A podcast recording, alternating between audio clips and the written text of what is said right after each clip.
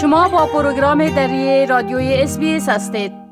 حال تازه ترین رویدادها در ارتباط به افغانستان را به توجهتان می رسانیم. با وجود آنکه طالبان تصرف کامل ولایت پنجشیر را با نشان دادن ویدیو و تصویرهای از برافراشتن بیرقشان در مرکز این ولایت ادعا کرده اند جبهه مقاومت علیه طالبان در این ولایت به رهبری احمد مسعود می گوید که مقامات در دره های پنشیر و اندراب همچنان ادامه دارد و آقای مسعود در یک پیام ویدیویی که از طرف رسانه های اجتماعی نشر شده از مردم خواست که در مقابل طالبان قیام ملی کنند. گزارش ها از کابل می گویند که ادهی از مردم در آن شهر و همچنان در شهر مزار شریف در تاریکی شب از خانه هایشان برآمده و شعارهای زنده باد جبهه مقاومت ملی مرگ بر پاکستان را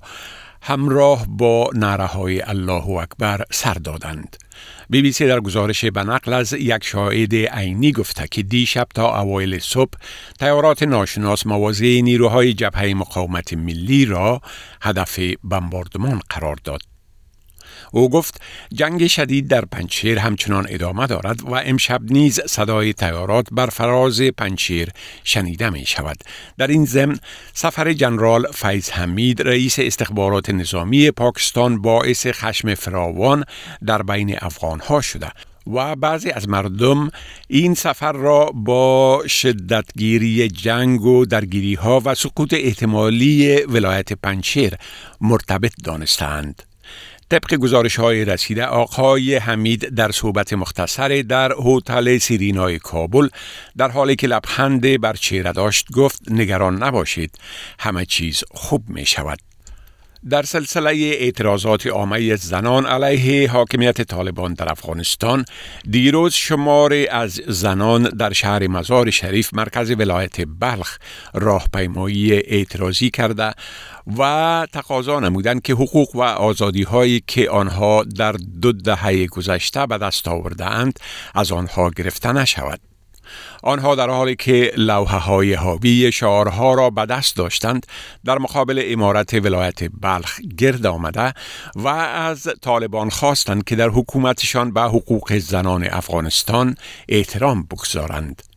یکی از شرکت کنندگان در این تجمع به بی بی سی گفت با آنکه راهپیمایی مسالمت آمیز بود افراد طالبان آنها و خبرنگاران را تعدید به لتو کوب کردند یک شاهد عینی گفته است که نیروهای طالبان خبرنگاران را تهدید و بعضی از آنها را لتو کوب کردند. با گفته او نیروهای طالبان تصاویر دوربین های خبرنگاران را هم چک کردند. در روزهای گذشته در ولایات کابل، هرات و نیمروز هم زنان گرد همایی اعتراضی مشابه را راه اندازی کرده بودند. در حالی که به نظر می رسد که به ادعای یک عضو کانگرس امریکا مبنی بر این که طالبان از پرواز چند تیاره با سواری اتباع امریکایی در میدان هوایی مزار شریف خودداری می کنند و او این عمل را گروگانگیری امریکایی ها توسط طالبان دانسته هنوز رسیدگی نشده و از سرنوشت این تیاره ها خبری نیست. انتونی بلینکن وزیر خارجه و لاید آستن وزیر دفاع ایالات متحده امریکا با شیخ تمیم بن حماد امیر قطر در دوحه در رابطه با جریانات افغانستان دیدار کردند این دو وزیر امریکایی در حال به قطر سفر کردند که واشنگتن کمک قطر را در خارج ساختن امریکایی های باقی مانده در افغانستان و افغانهای آسیب پذیر پس از تصرف افغانستان توسط طالبان تقاضا کرده است. احتمالا در این ملاقات سرنوشت امریکایی های سوار در تیاره ها در مزار شریف هم از جمله مواد مهم آجندای مذاکرات بوده است. آژانس خبررسانی ریوترز در گزارش گفته که وزرای امریکایی در دیدارشان با امیر قطر از کمک آن کشور در عملیات تخلیه مسئول امریکایی ها از کابل پس از حاکمیت طالبان در آن کشور اظهار امتنان کردند. در حالی که طالبان هنوز حکومت و نظام آیندهشان را اعلان نکردند، گزارش های از دعوت شدن بعضی از کشورها به مراسم گشایش و تحلیف این حکومت از جانب طالبان نشر شدند. مقامات روسیه تایید کردند که دعوتنامه ای را برای شرکت در مراسم تعلیف حکومت آینده طالبان دریافت کرده ولی می‌گویند که اگر یک حکومت همشمول در افغانستان تشکیل شود در این مراسم شرکت خواهند کرد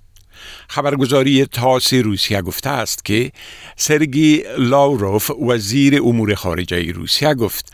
کشورش تنها در صورت در مراسم تعلیف حکومت طالبان شرکت و از آن حمایت می کند که همه شمول باشد و نماینده همه اقوام افغانستان باشد. آقای لاوروف گفت صرف یک حکومت همه شمول می تواند با اطمینان به سوی یک زندگی پرثبات پیشروی کند. او گفت اگر چنین حکومت در افغانستان تشکیل شود روسیه خوشحال خواهد بود. در مراسم افتتاح آن در کنار کشورهایی که بر افغانستان تأثیر گذار هستند شرکت کند. گزارش ها می گویند که طالبان با نزدیک شدن به نهایی شدن تشکیلات حکومتشان از روسیه، چین، پاکستان، ترکیه و ایران برای شرکت در مراسم تعلیف و افتتاح آن دعوت کردند. گزارش ها می‌گویند که جریان تحصیلات در پوهنتون های سراسر افغانستان دوباره آغاز شده و در برخی مؤسسات تعلیمی میان چوکی های دختران و پسران در وسط سنف پرده کشیده شده است. آژانس خبررسانی ریوترز از قول محصلان و استادان در پوهنتونهای شهرهای بزرگ مثل کابل، قندهار و هرات گزارش داده که صفوف محصلان دختر از صفوف پسران همسنفیشان در داخل عین سنف توسط پرده از هم جدا شده است. بعضی از محصلان آویختن پرده در درون سنف را غیر قابل قبول خوانده و یک خانم به ریوترز گفته که پس از داخل شدن به سنف برایش حس عجیب دست داده که گویا تدریجا به 20 سال پیش برگردانده خواهد شد. بپسندید، شریک سازید و نظر دهید. اسپیس دری را در فیسبوک تعقیب کنید.